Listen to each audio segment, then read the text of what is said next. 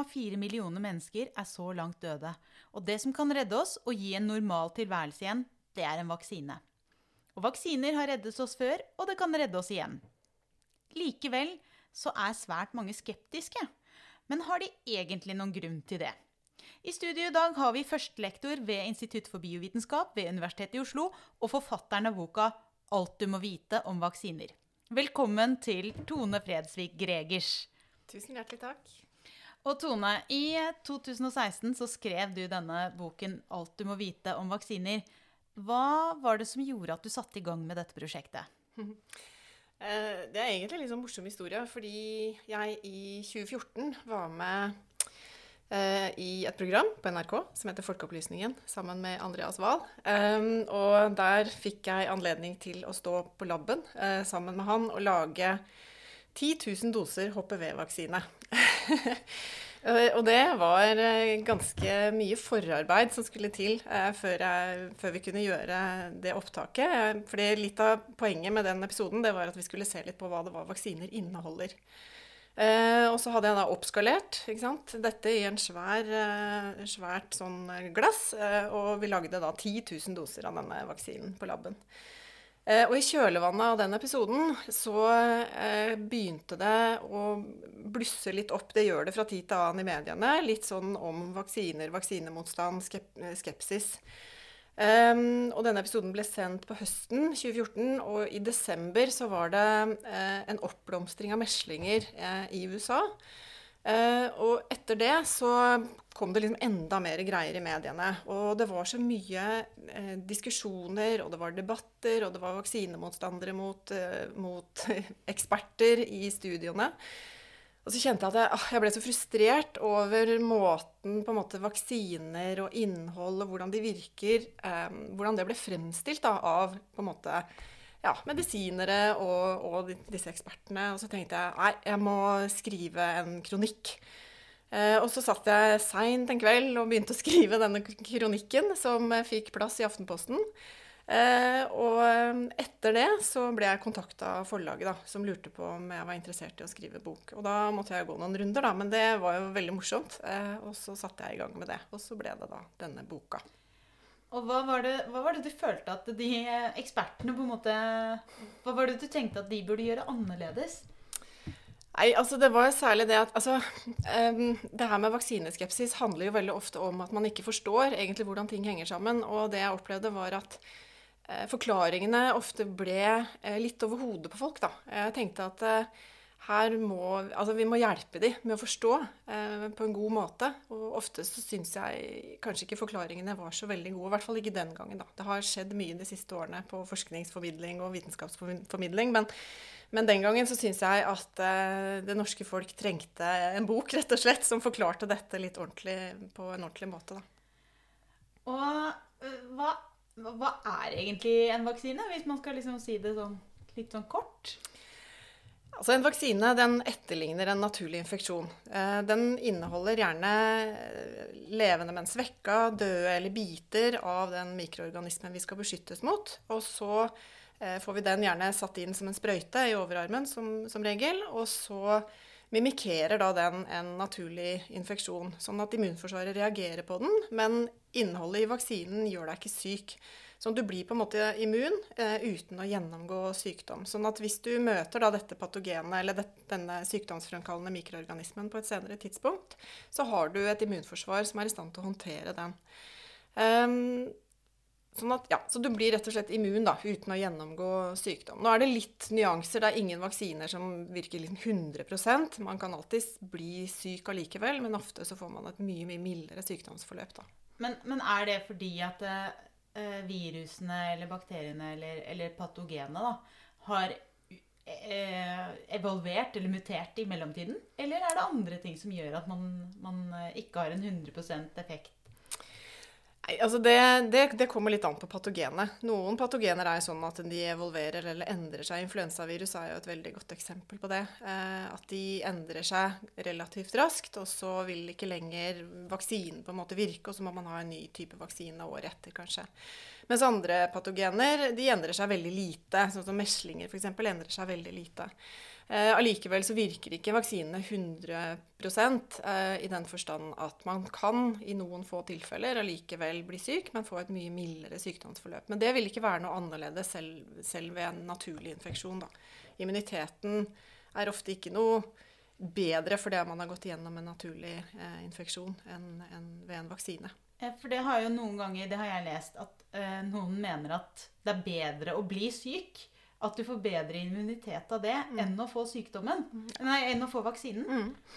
Nei, ja, Det er en veldig vanlig påstand, da. Eh, at det er bedre med naturlig smitte enn en vaksine. Og det, eh, det stemmer ikke eh, nødvendigvis. Det er mange, mange, infeksjoner som man kan få om igjen og om igjen, selv ved naturlig smitte. Det som man ofte gjør med vaksiner, da, det er jo at man stedet, ja, altså at man får gjerne vaksinen flere ganger. Um, det er jo noen vaksiner i barnevaksinasjonsprogrammet for eksempel, som gis hele fem ganger for å oppnå på en måte full immunitet. Men selv etter de fem gangene så anbefales det at man vaksinerer seg igjen hvert tiende år f.eks.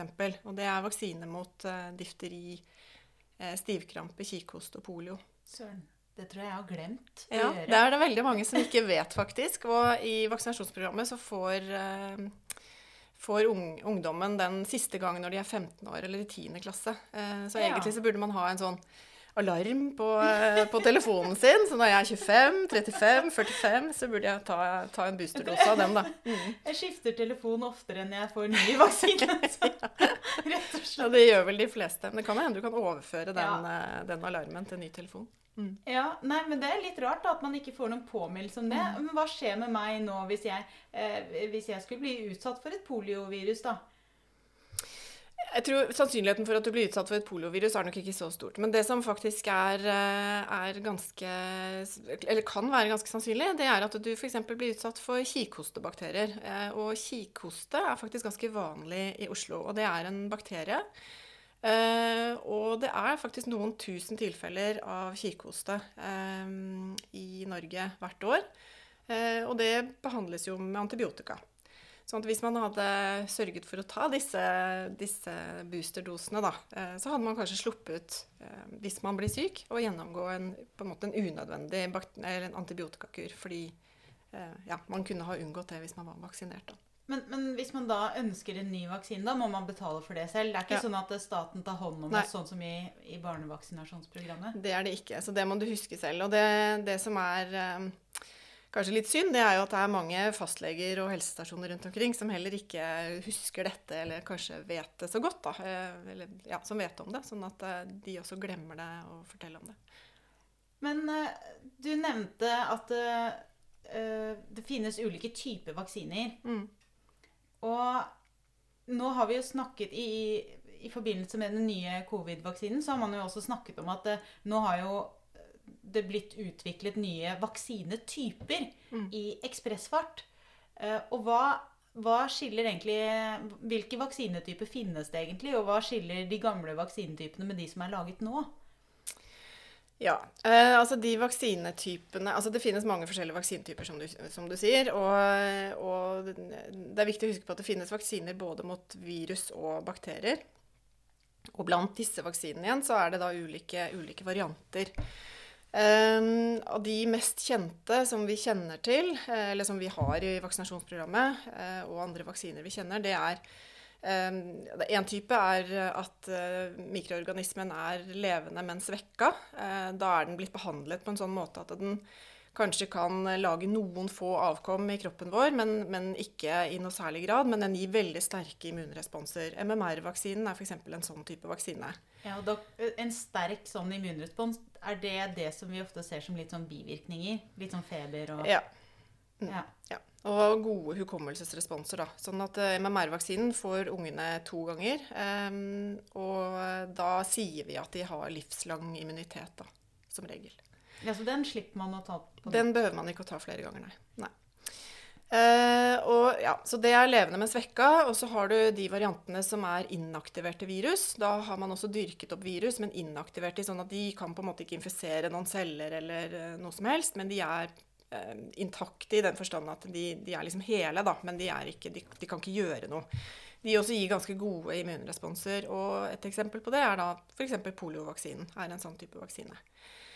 Eh, og så har vi eh, influensavaksinen. Den er også basert på hele virus, men der er virusene eh, inaktivert, og så er de splitta. Så den kalles for en splittvirusvaksine. Altså den er rett og slett knust i mange små biter. Mm. Um, og så en fjerde variant er uh, vaksiner som inneholder bare biter av mikroorganismene. F.eks. overflatestrukturer eller ting som stikker ut på overflaten av enten bakteriene eller, uh, eller virusene. Um, og, så det er liksom fire ganske vanlige uh, vaksinetyper. Uh, og så har vi én type til som Vi har tre, uh, tre bakterier som vi har um, beskyttelse mot i vaksinasjonsprogrammet. Det er stivkrampe, kikhoste og difteri, som jeg nevnte i sted. og dette er bakterier hvor bakterien i seg selv ikke er farlige, men det skiller ut et giftstoff, et såkalt toksin. Eh, og da inneholder vaksinene en inaktivert form av det toksinet. For det er det toksinet vi må få en immunrespons mot. For det er det som er farlig, ikke nødvendigvis selve bakterien. Så de kalles da toksoidvaksiner. Så det er mange ulike varianter. Og, og med unntak av disse toksoidvaksinene, så er alle de variantene jeg har snakket om nå, de har, er liksom enten under utprøving eller i tidlig fase for covid-19-vaksiner. Men så har det jo, som du sier, kommet eh, noen varianter til som er helt nye. Eh, og de er nye i den forstand at, eh, at eh, vi har ikke denne typen vaksiner eh, fra før. Ja, så det er liksom ikke virusbiter eller, eller svekkede virus? Nei. Ikke disse to som vi, som vi, ser mest av nå, disse såkalte genetiske vaksinene, da, hvor den ene er denne mRNA-vaksinen fra Pfizer og Moderna. Uh, og det at uh, disse vaksinetypene er nye, det betyr ikke at teknologien er ny. Altså Teknologien har det vært forsket på i mange mange år allerede. Uh, men det at man, Og man har også testet det ut for ulike typer vaksiner. Men de har på en måte ikke kommet så langt som, som nå for disse koronavaksinene. Ja. Og mRNA-vaksinen, det høres jo på en måte litt sånn kryptisk ut. Men det som er med den, det er at mRNA det er egentlig en genetisk kode. Og denne genetiske koden eh, som er i disse vaksinene, den koder da for dette piggeproteinet som stikker ut på overflaten av viruset, dette spike-proteinet. Og det man har gjort da med disse mRNA-vaksinene, det er at de har laget um, rett og slett bare i laben, det kan nesten hvem som helst gjøre, bare de har tilgang på en, på en lab og, og noen, noen, spesielle maskiner. Men, men, men det er relativt enkelt, da. Eh, å lage disse mRNA-sekvensene, eller disse kodene. Eh, og det de gjør, det er at de pakker dette inn i sånne fettdråper for å beskytte dette mRNA. Eh, for det er ganske skjørt. Det blir fort ødelagt. Så da pakker man det inn i fett, en fettdråpe rett og slett, og så er det beskyttet inn i denne fettdråpa. Og da er det denne fettdråpa med mRNA som er inne i, inne i vaksinen.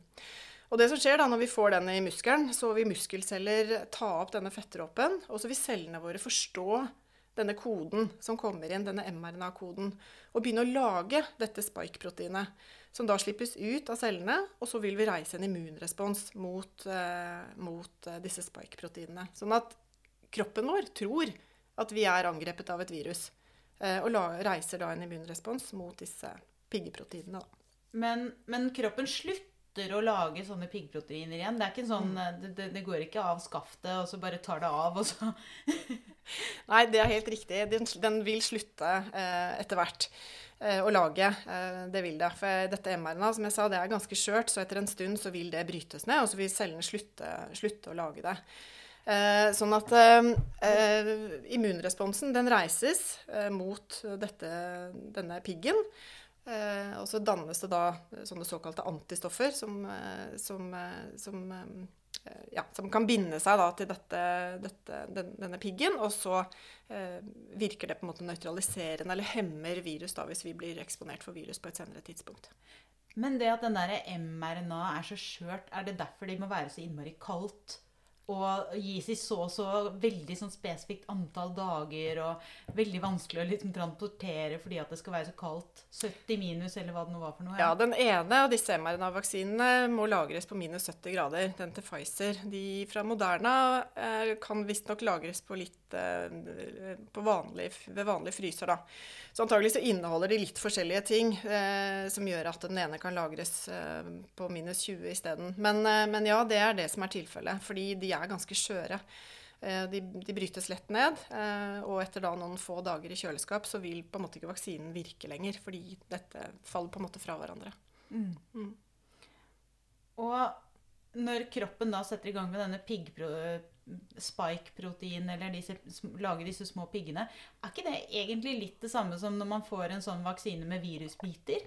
Jo. Altså jo, det er det. Eh, det eneste er at slipper lage, man slipper da å lage disse virusbitene i laboratoriet, men kroppen lager de selv. Så det er egentlig innmari smart. For det er mye lettere å bare lage denne genetiske koden og få kroppen vår, eller cellene våre, til å lage denne, denne piggen, istedenfor å skulle produsere denne piggen og rense og sørge for at den er, har korrekt form og alt dette her. Eh, så det er mye, mye mer effektivt og mye lurere eh, at kroppen vår gjør det selv. Betyr det at, at nå, når vi har liksom testet sånne mRNA-vaksiner for første gang i storskala Jeg, let, jeg leste et sted at, det, at grunnen til at det har gått så mye raskere nå med den vaksinegodkjenningen, det er egentlig bare at, at, noen har nærmest trykket på en knapp og sagt nå skal papirarbeidet være mm. prioritert. Nå skal det gå fort.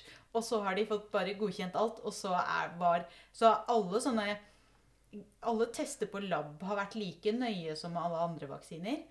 Absolutt. Eh, det er ikke gjort noen, eh, noen, eh, shortcuts når det gjelder selve uttestingen. Alt har gått forsvarlig for seg gjennom de ulike fasene. I starten så ble, slo man kanskje sammen altså For dette, denne uttestingen foregår i tre faser. Fase 1, 2 og 3. Og noen av produsentene eller noen av disse utviklerne da, de har kanskje slått sammen fase 1 og 2. Altså at de har testet på litt flere folk enn man kanskje normalt ville gjort i en bare en fase 1-studie. Eh, men hele fase 3-studien, der hvor man på en måte tester ut i i storskala med flere titalls tusen eh, personer, deler gruppa i to, hvor halvparten får en juksevaksine, enten bare saltvann eller kanskje en annen type vaksine.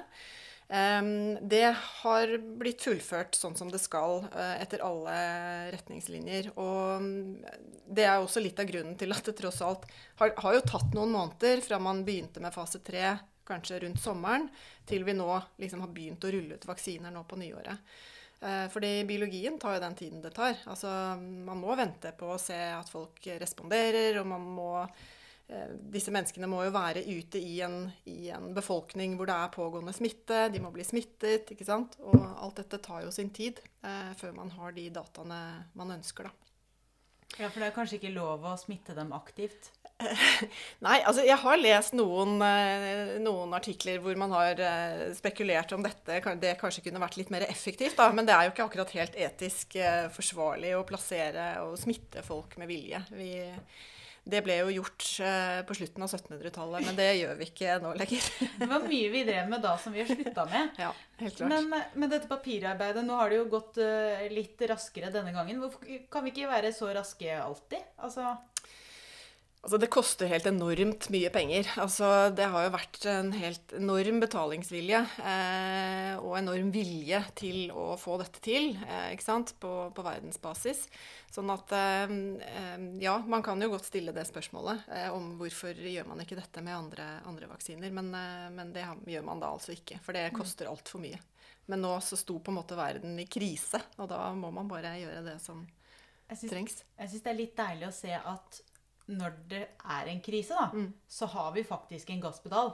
At vi har en eh, Vi har muligheten til å kjøre litt fortere enn eh. Absolutt. Og jeg tenker at det også er, er fint å se hvordan altså, hvordan vitenskapssamfunnet har både samarbeida Det har vært eh, fullstendig åpenhet i forhold til eh, resultater, hvordan man har gjort ting. altså Alt har ligget åpent på nett. Kanskje noen land har vært litt mer restriktive enn andre. Russland og Kina er det ikke så lett å få informasjon fra. Men, men, men, men stort sett så har det vært en, en, åpenhet og en delingskultur som kanskje vitenskapen aldri har sett maken til. Så det, det syns jeg er kjempespennende og veldig fint å se, da. Og som du sier, at det er en gasspedal. Det går an å få til noe mm. eh, når, når, vi står i en felles krise, da. Men når disse mRNA-vaksinene eh, da produserer spike-proteiner i kroppen, og det er veldig mye lettere å lage et mRNA enn å begynne å, å gå innom andre ting som lager disse spikene igjen. Um, tror, du, tror du det blir sånn i framtiden at at alle vaksiner blir mRNA, eller at, det, at vi liksom effektiviserer vaksineproduksjonen på den måten? Jeg tror, jeg, ja, Det er vanskelig å si. Jeg tror nok ikke alle vaksinene går over til den plattformen. Det tror jeg ikke. Vi har veldig mange gode vaksiner f.eks. i de ulike vaksinasjonsprogrammene rundt omkring i verden som er gode, trygge, velprøvde vaksiner som jeg tenker at eh, man ikke eh, ønsker å gjøre noe med, eller vil se behovet for å gjøre noe med. Men, men, for andre vaksiner så vil det kanskje være absolutt aktuelt. Og f.eks. for, for influensavaksiner, da, som, eh, som, hvert år må lages på nytt. Hvor produksjonen av eh, de influensavaksinene tar ganske lang tid. Der bestemmer jo Verdens helseorganisasjon bestemmer seg omtrent nå, eller rundt mars, da, over hvilke varianter som skal være neste sesongs vaksine. Og så går man da i gang med produksjon. Og de eh, virusene som er i, er i uh, influensavaksinen, den produseres jo i egg. Og da er det sånn at det er ett egg til én vaksinedose. Så det er jo eh, et enormt antall egg, eh, blant annet, som går med til, til influensavaksineproduksjon. Og så tar det jo lang tid. ikke sant? Eh, disse eggene, altså Egg er jo en celle, eh, og er da en vertscelle for disse virusene. og Det tar lang tid å få dyrket opp nok virus. De skal renses ut, og det skal behandles, og det skal fylles på ampuller. og det skal, ja. Så det er, eh, det er en lang, lang prosess. sånn at hvis mRNA-vaksiner etter hvert kunne vært brukt som, som influensavaksiner, så kunne man kanskje ha startet produksjonen på et senere tidspunkt også. Fordi det som er noe av utfordringen med influensa, det er at Uh, influensaviruset det er jo i sirkulasjon hele året. Um, og nå har vi jo hørt med koronaviruset ikke sant, at så lenge virusene har en vert, så kan det endre seg. Uh, sånn at influensavirusene de er jo i sirkulasjon hele året. Uh, og så lenge de hos, finner en vert, så kan det endre seg. For hver gang det har vært innom en vert, så kan det endre seg lite grann. Um, og når, vi, når, når, man begynner å produsere da, influensavaksinen i mars, um, så vil jo også de virusene som produseres i egg, de vil også endre seg bitte lite grann for hver generasjon. Så da er det jo sånn at de virusene som produseres til vaksinen, de endrer seg litt. Men de kan endre seg i en helt annen retning enn de virusene som er i sirkulasjon. Sånn at når man da kommer til høsten og skal begynne med influensavaksineringen, så eh, er det jo alltid litt spennende å se hvor godt treffer denne vaksinen. Noen år så treffer den kanskje, sier vi kanskje bare at den er 30% effektiv. Andre år så er den kanskje 60% effektiv. Og det sier noe om hvor godt vi treffer. ikke sant?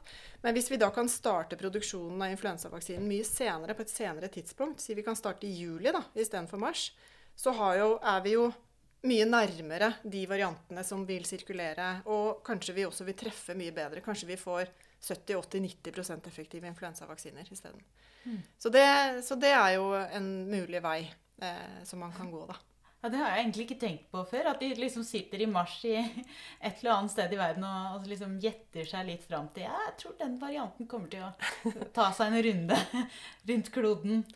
Ja, nei, altså det, det er jo et ganske stort uh, monitoreringssystem som, uh, som, uh, som, pågår hele året. Og så er det jo sånn at influensasesongen er, er, forskjellig på nordlig og sørlig halvkule. sånn at når vi har sommersesong, så er det influensasesong på sørlig halvkule. Så da følger man jo med på hvordan, det, hvordan, utviklingen går der. Eh, og så omvendt, da når vi har influensa, så følger de i sør med på hvordan det går hos oss. Men sier du nå egentlig at influensa det er en sånn, den er primært en vintersykdom? Altså den følger liksom årstiden? Ja. ja. Vi har influensa hele året, men den, er, den har en høyere, høyere infeksjonsrate på vinteren. Da. Influensasesongen varer hos oss fra sånn oktober til eh, litt uti mars-april. Er, og det, er det noe av grunnen til at eh, covid også har hatt en sånn litt sånn høyere spredning, nærmest? Altså, det var jo nesten ikke noe i sommer. Og så er det masse Nå, nå ser det liksom ut til å nærmest ikke vi, vi får det liksom ikke ned den smitte, de smittetallene, da. Nei. Ja, Nå går smittetallene litt ned, da. Sånn Ja, ja. at de, de gjør det. Men det er jo mange, mange årsaker til det. Men, eh, men eh, ja, altså det, det kan tenkes. Eh, Det, altså vi vet jo ikke helt ennå. Vi har på en måte bare én, eh, én sesong å, å sammenligne oss med foreløpig. Men, eh, men ja, det er, litt, det er tilfellet det for, for influensavirus i hvert fall. At det har en eh, større spredning om eh, Eller at det er mer smittsomt om eh, vinteren. Men, men har, det med, har det med virusene å gjøre, eller har det med oss å gjøre? Altså, Hva er det som gjør at det Det er nok en kombinasjon at, eh, med luftfuktighet, temperatur, vi er mer inne, eh, vi er tettere på hverandre. Eh, ja, det er en del sånne ting som skjer om vinteren. Da, som eh, det, Smitte generelt er mindre når vi er ute. Eller er ute er, skjer det mindre smitte enn inne. Da. Mm. Så Det er derfor man anbefales nå også å helst holde seg ute hvis man skal være, være sammen. Så må vi være mest mulig ute. Nettopp. Eh, og da, jeg vil jo tippe at da har det Det er kanskje ikke så sannsynlig at vi får vanlig influensa i år, da. Altså, Nei, altså Det er jo veldig morsomt, fordi at de influensatallene er jo bemerkelsesverdig små. Det er jo ikke influensatilfeller i det hele tatt. Eh, nå er det jo sikkert en del som ble vaksinert i høst. Eh, men det er klart at eh, man ser jo at andre, andre sykdommer også har gått radikalt ned. Blant annet så har jo f.eks. meslinger vært en kjempeutfordring i Europa de siste årene. Men nå det siste året nå med covid-19 så har jo antall meslingtilfeller i Europa stupt eh, veldig. Så det her, og det her handler nok mye om tiltak, da. ikke sant? Nedstengning og, tiltak, og, og isolasjon og men betyr det at når vi nå har liksom stengt ned landet et års tid, eller stengt ned verden et års tid, har vi blitt kvitt nesten alle andre sykdommer òg, da? Nei, hadde det tror jeg deilig. ikke. Nei, det tror jeg ikke. Så det blir veldig spennende å se hvordan, eh, hvordan andre sykdommer tar seg opp. Da. Og en, av, en av de tingene man faktisk er litt bekymra for da, i forhold til influensa, det er at eh, siden det er så innmari få som får influensa nå, så klarer man ikke helt å monitorere på samme måte hvilke varianter folk får, og hvilke endringer de har gjort seg. Sånn at eh, man er engstelig for at eh, man ikke treffer så godt eh, til høsten, da, f.eks. Nettopp. Fordi man har litt mindre kunnskap om influensavirus nå i år enn det man har hatt tidligere. den blir rett og slett litt mindre forutsigbar Ja. Det gjør den. med lite data. Ja. Rett og slett. Ja, nei, det, det er mye som er spennende. Ja, Veldig. Jeg kjenner at jeg ikke trenger noe mer pandemier. Nei, vi kan kanskje vente litt nå. Men eh, du nevnte mRNA-vaksiner, og så var det Er det én variant til? Ja, det er det, vet du. Eh, Og det er denne varianten som, eh, som kommer fra AstraZeneca. Som er kanskje den man har hørt mest om Den har jo vært litt sånn omdiskutert. Eh, Ja, På grunn av det med 65, altså 65 år og litt sånne ting. Ja, altså Dette er en vaksine som også er basert på en genetisk kode. Eh, bare at istedenfor RNA så inneholder den DNA. da. Det er egentlig bare en annen, annen variant av denne koden. Men like fullt så består denne koden av oppskriften til dette piggeproteinet. Eh, så det er liksom det, det samme eh, den kode for, på en måte. Men istedenfor å pakke den inn i en sånn fettdråpe, da, så har de brukt et, eh, et eh, ufarlig forkjølelsesvirus. Det er et annet virus som de har brukt til å måte pakke denne DNA-biten inn i, for å beskytte DNA-biten.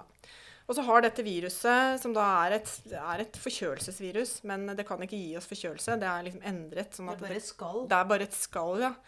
Eh, sånn at eh, eh, det, det, ikke, det, det kan ikke gjøre oss forkjøla, men det har på en måte beholdt de egenskapene ved å kunne trenge inn i cellene våre.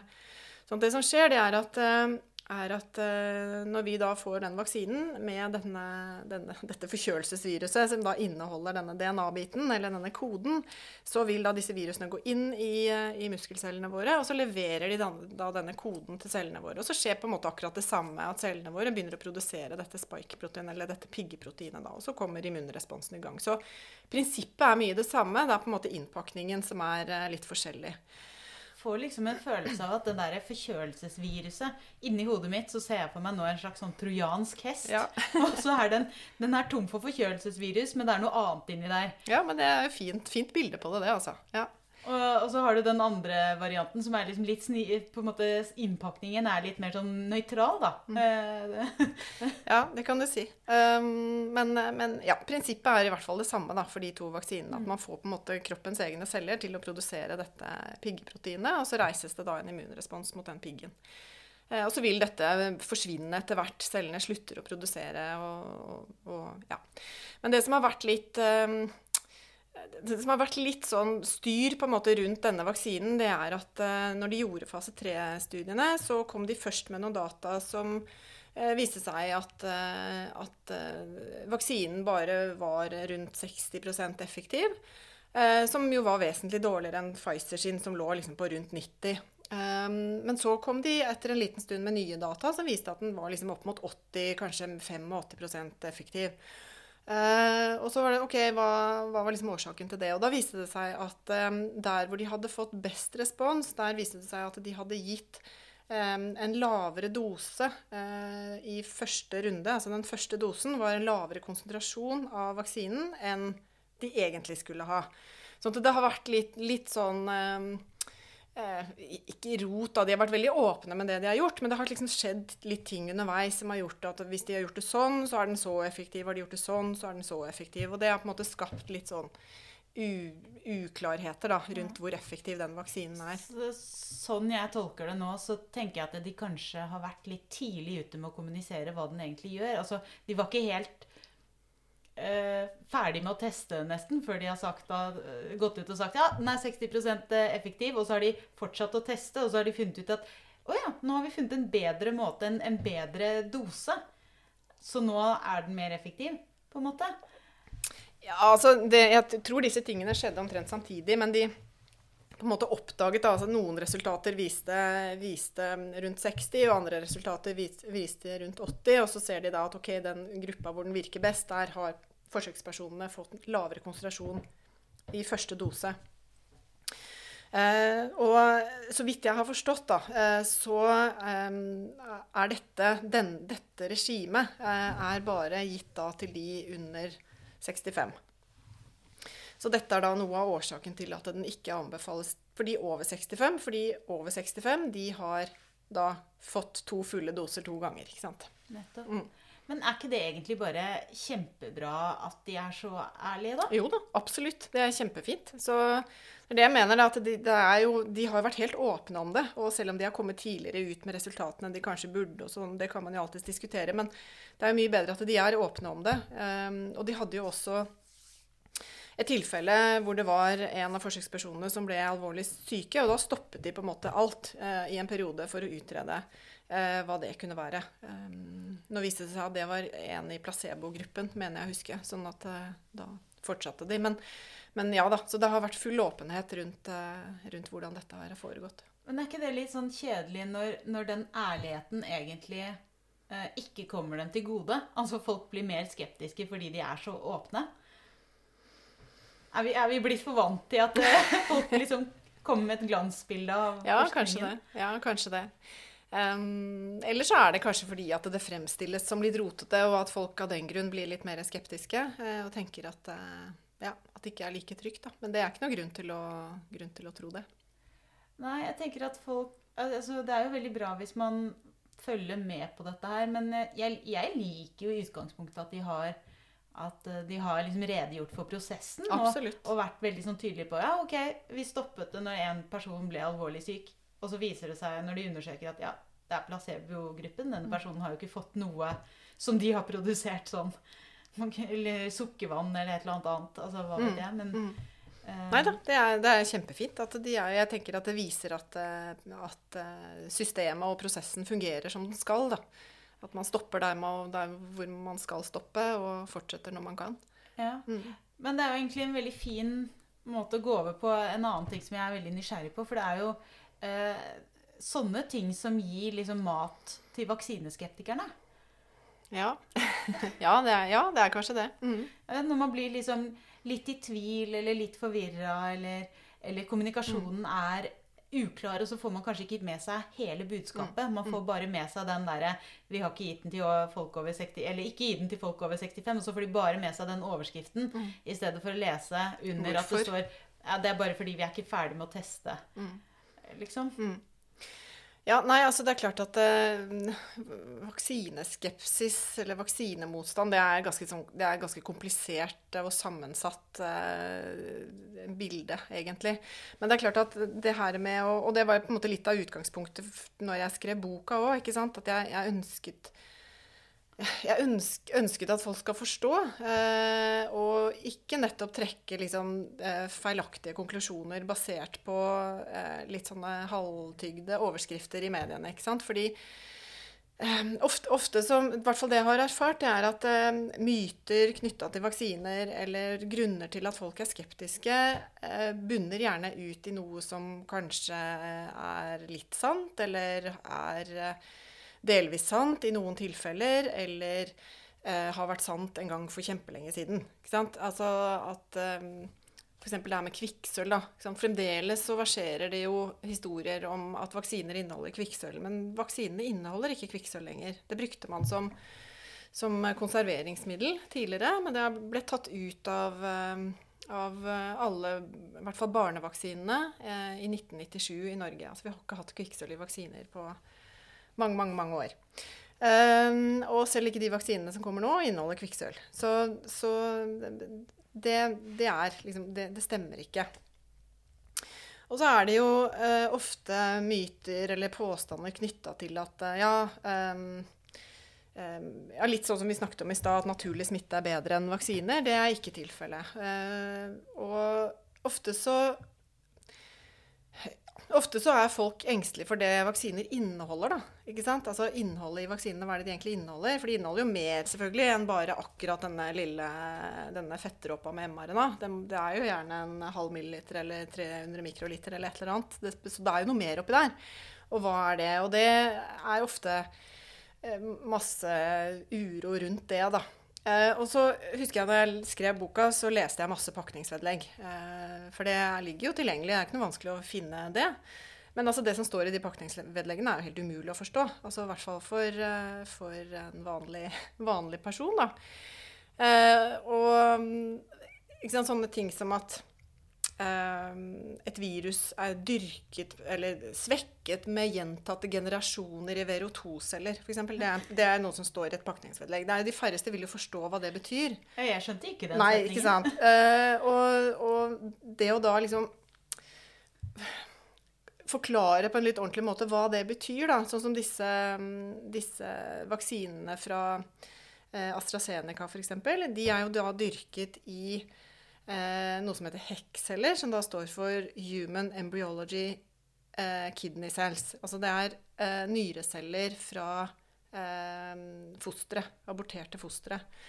Eh, Og det var jo en overskrift på NRK for noen måneder siden hvor det liksom står sånn krigstyper, ikke sant, med aborterte fostre, avføring fra sjimpanser, eh, lever fra hai. Alt handler om vaksiner. ikke sant? Og når du får sånne, sånne overskrifter i fleisen, så er det ikke så rart at man liksom blir litt sånn Shit! Er det, er det, er liksom rester fra aborterte fostre i vaksinen? Det skal jeg i hvert fall ikke ha, ikke sant? Og det å da forklare på en måte hva dette egentlig handler om, da. Ikke sant? Det, det tenker jeg er viktig. Og da um, For denne AstraZeneca-vaksinen eksempel, så dyrkes den da i disse cellene. Men de cellene er jo ikke med i vaksinen. De bruker disse cellene. Det er noen celler som ble isolert på 70-tallet, som man har brukt i forskning i mange, mange, mange år. eh, I snart 50 år. eh, og som brukes innenfor biomedisinsk forskning all over. Um, og de er ikke med i vaksinen. Virusene renses ut.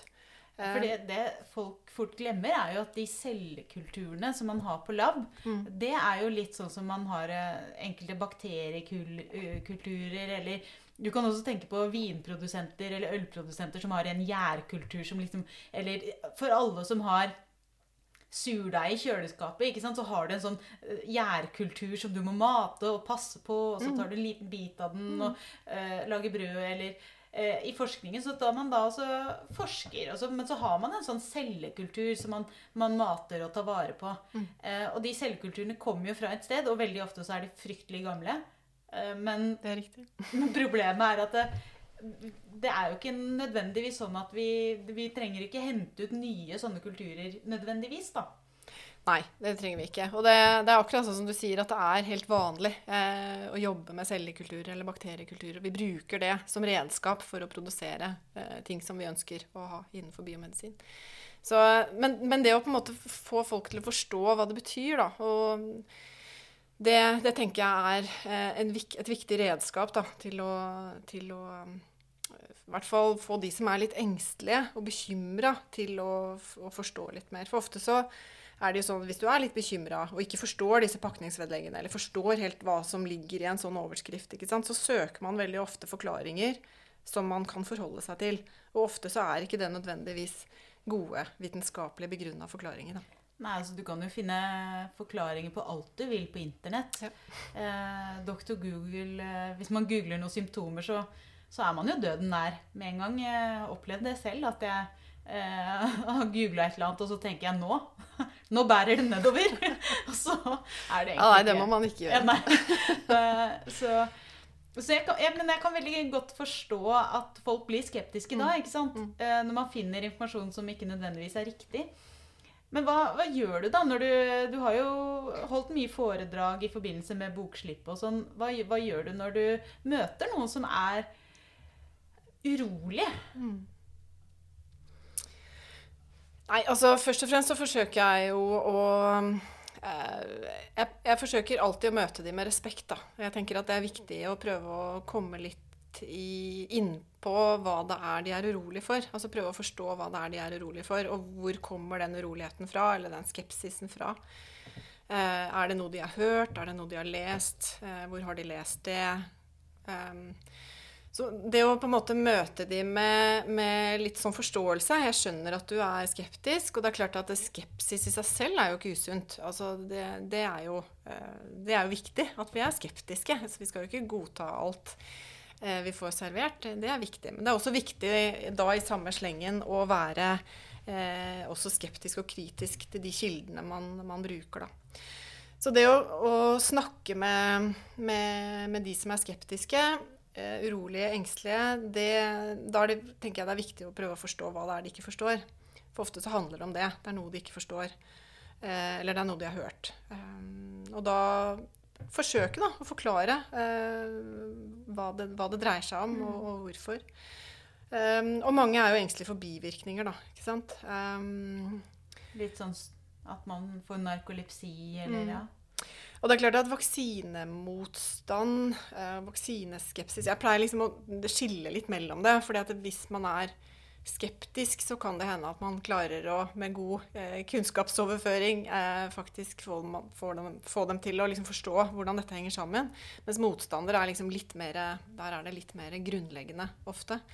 Eh, men men eh, ja, Det er kanskje ikke så lett å snakke med folk som tenker at, eh, at vaksinene inneholder mikrochipper som gjør deg lydig overfor eh, regjeringen. Da har, du, da har, det, gått litt, eh, det gått litt langt. Det, det er klart at de, de, kjenner altså Nå har jeg ikke møtt veldig mange av de, det skal sies. Jeg tror ikke, jeg tror ikke det er veldig mange av de i Norge. Jeg har i hvert fall ikke, ikke, ikke møtt noen som har vært så, så på jordet, for å si det sånn. Men, men, eh, men, jeg har jo møtt noen som er litt engstelige, da. Og da, da handler det jo på en måte om å, å forsøke å forklare. Eh, og dette med bivirkninger er, eh, er, det mange som er redd for, som jeg sa. Og, og, og det å forklare dem at Altså, det er bivirkninger, bivirkninger men vi snakker om ulike grader av bivirkninger. Og det er klart at eh, svineinfluensavaksinen har jo ikke gjort det noe lettere for oss. fordi det er klart at det, det er jo mest sannsynlig en sammenheng da, mellom Pandemrix, eh, som var den vaksinen vi fikk den gangen, i hvert fall her i Norge, og at noen har utviklet eh, narkolepsi eller sovesyke. Og um, selv om man ikke kan liksom, sette et likhetstegn mellom Pandemrix og narkolepsi, så er det, er det, en viss sannsynlighet for at det kan være en sammenheng. Da. Og Derfor er det jo også en del mennesker som har fått erstatning da, etter, etter den. Og det er klart at med, med det relativt friskt i minne, det er jo ikke mer enn 10-11 år siden, så, så, um, husker jo de fleste eh, det. Eh, og er da eh, skeptiske. Og, og, og, ser også at nå har vaksineutviklingen gått veldig raskt. Det gjorde det også sist. Det som var forskjell fra sist, var jo at da hadde vi jo allerede en vaksineplattform som vi brukte for influensavaksine, så den ble ikke testet så mye som denne vaksinen her eh, er mm. testet. da, ikke sant? Fordi at man hadde liksom allerede eh, en plattform og en strategi og, og, en vaksinetype som man visste funket. Eh, og så testet man den bare på noen hundre, og så ble den kjørt ut på verdensbasis. Ja. Mens forskjellen nå er kanskje det at, at for det første at mRNA er Det har jo vært mye testet før, som du sa. Um, sånn at selv om man ikke har hatt noen vaksine med det, så har det vært mye testet og forsket på. Mm. Så den lå på en måte litt sånn klar. Mm. Og, så, uh, og, så, er vel den andre delen av dette at papirarbeidet har gått raskere. Uh, og det er, sier jo noe om hvor mye papirarbeid det er da, med legemiddelutvikling. Men, men, samtidig så er jo det papiret, alt det papirarbeidet er jo der for å ja, holde styr på ting.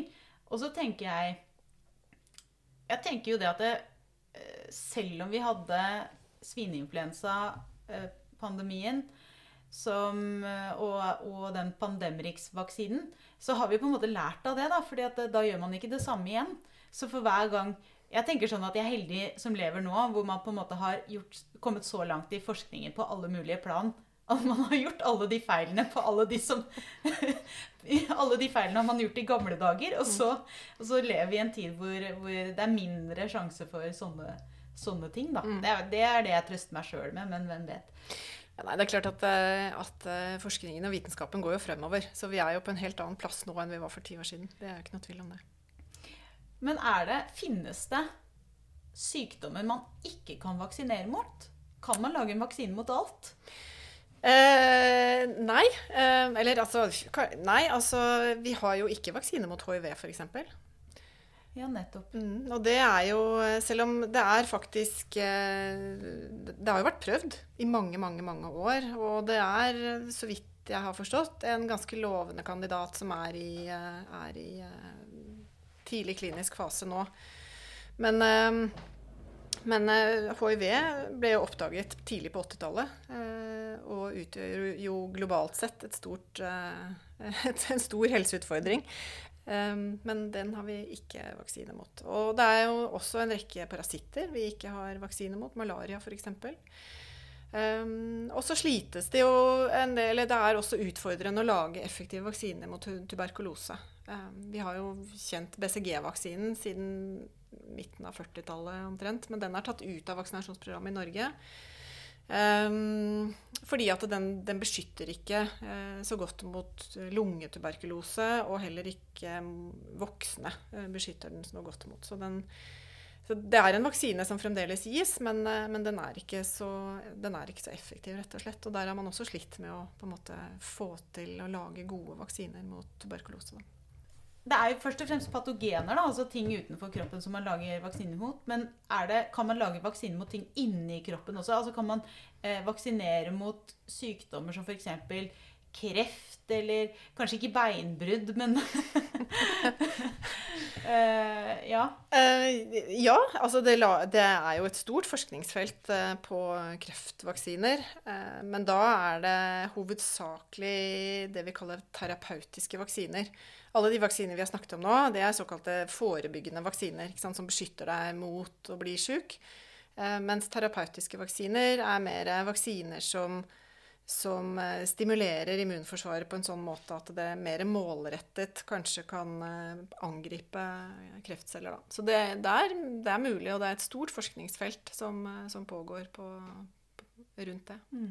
Men det er kanskje noe litt annet enn de vaksinetypene vi har snakket om nå? Det er det. Absolutt. De er eh, laget på en litt annen måte og har en litt annen uh, funksjon inni kroppen mm, enn uh, en de vanlige forebyggende eller profylaktiske vaksinene, som vi kaller de. Mm. En ting som mange kanskje glemmer, da, er jo at vi har jo en pandemi til. Um, det er ikke bare covid-19, men det er en annen pandemi som som kanskje har gått litt saktere, men som er minst like farlig, og som kanskje kan kreve minst like mange liv, om ikke flere. Og det er jo antibiotikaresistente bakterier. Mm. Som, som, tusler og går, og stadig dukker det opp nye mutanter der også. Mm. Er, kan vaksiner være løsningen der òg? Det kan i hvert fall være med på å eh, bidra til en løsning. Om ikke det er den ene og alene løsningen, det tror jeg ikke det er. Men det kan være, å, det kan, det kan være et viktig bidrag inn i kampen mot antibiotikaresistens. Og det er for det første så har vi jo en, en rekke vaksiner mot bakterier. Um, vi har bl.a. en vaksine i vaksinasjonsprogrammet mot uh, pneumokokker, som er en bakterie som gir alvorlig lunge, lungebetennelse. Uh, og i den vaksinen så er det faktisk eh, ganske mange Altså den beskytter mot ganske mange varianter. Den som barna får i vaksinasjonsprogrammet, beskytter mot 13 ulike varianter. Og blant de 13 så er det flere som er antibiotikaresistente. Så det er en vaksine som allerede er, eh, er utviklet for å beskytte mot antibiotikaresistente bakterier. Eh, blant annet, da. Ehm, så har du jo også en rekke andre vaksiner, f.eks. vaksine mot kikhoste, som jeg nevnte i stad. Det er en vaksine du må måtte, oppfriske eh, hvert tiende år, helst. Um, fordi at hvis du da får etter ti år og ikke er immun lenger og får en kikhosteinfeksjon, så, så må du behandles med antibiotika. Eh, sånn at der kan også vaksiner være med på å unngå at du rett og slett får kikhoste. da. Men, men, det er jo de bakterielle vaksinene. Og så er det kanskje eh, ikke like åpenbart hvordan vaksiner mot virus kan, eh, kan eh, være med i denne kampen. Men faktum er at eh, f.eks. etter en influensasykdom Ofte så blir man jo veldig dårlig etter influensa. Eh, og etter en influensa så er man veldig mye lettere mottagelig for bakteriell lungebetennelse, f.eks. Og faktisk så har man jo sett på eh, data fra spanskesyken, som var da den svære influensapandemien som vi hadde i 1918 1920. Eh, som da var en influensapandemi. Eh, hvor et sted mellom 50 og 100 millioner mennesker døde på verdensbasis. Og der, ja, det er helt vanvittig å tenke på. Da hadde man jo verken vaksiner eller, eller antibiotika. Men det man tror da, det, der, det er at i hvert fall halvparten, kanskje flere, døde ikke av influensaviruset, men de døde av bakteriell lungebetennelse som en følgesykdom etterpå. Så det å være vaksinert mot influensa og unngå å få influensa, så unngår du også eh, disse mm, sekundære sykdommene. Da er det de, disse bakterielle følgesykdommene som ofte da må behandles med antibiotika. ikke sant? Sånn at det å vaksinere seg mot virus eh, kan bidra ja, også i kampen mot, eh, mot, bakterieinfeksjoner som ofte følger etter en virusinfeksjon. Da. Nå eh, gjør jo ikke norske leger det så ofte, så, så, vidt jeg har skjønt. Men i mange land så er det jo sånn at de gir eh, antibiotika mot alle sykdommer. Uansett eh, om, om det er virus eller bakterier. Altså Dvs. Si uansett om det har effekt eller ikke. Og det bidrar jo også til antibiotikaresistens. Men hvis du ikke blir syk i utgangspunktet, så er det jo greit, tenker jeg. Altså da Ja, da er det jo greit. Da har det jo en god effekt. Mm.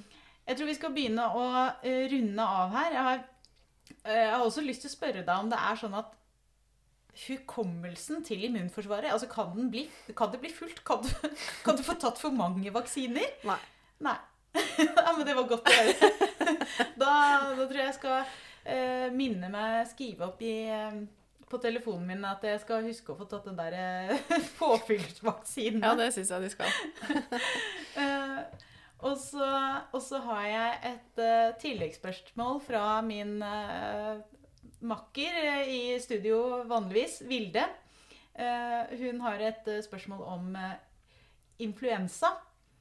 Og hun spør selv personer som ikke er i risikogruppen, blir ofte sengeliggende og dermed borte fra jobb og skole i mange dager når man får influensa.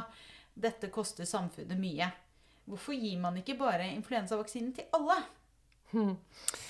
Ja, altså eh, Nå er jo ikke influensavaksinering eh, en del av vaksinasjonsprogrammet. Eh, det er det ikke. Eh, men den anbefales jo til alle i risikogrupper, som det blir sagt.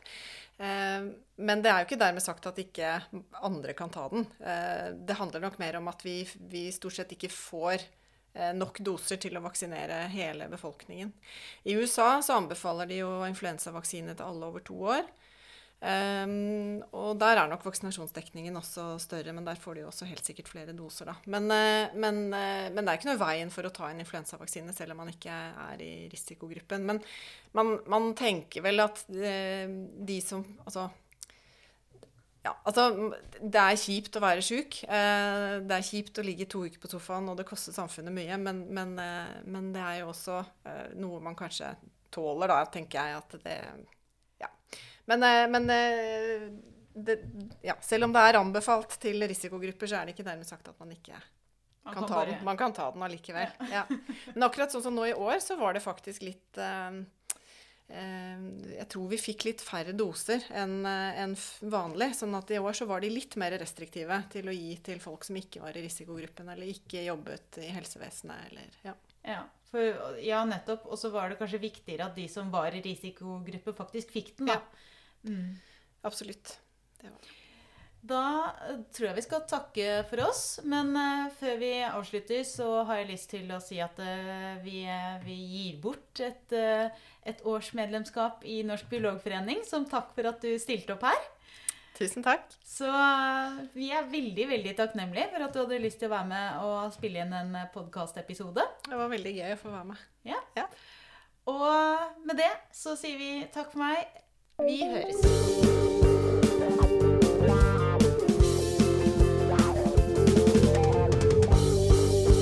Du har nå hørt Biopodden med Vilde Olsson Lahlun og Elina Melteig. Og med på laget har vi også Torborg Galtland, daglig leder i Norsk biologforening. Musikken du hørte, er laget av biologibandet Overgump, som består av Even Sletteng Garvang, Markus Fjelle, Erik Møller, Mathias Kirkeby og Audun Rugstad. Fortell gjerne om podkasten til venner og kjente, og gi oss tips og tilbakemeldinger på e-posten biopodden alfakrøllbio.no. Og så er du hjertelig velkommen til å støtte oss ved å bli medlem av Norsk biologforening. Vi høres.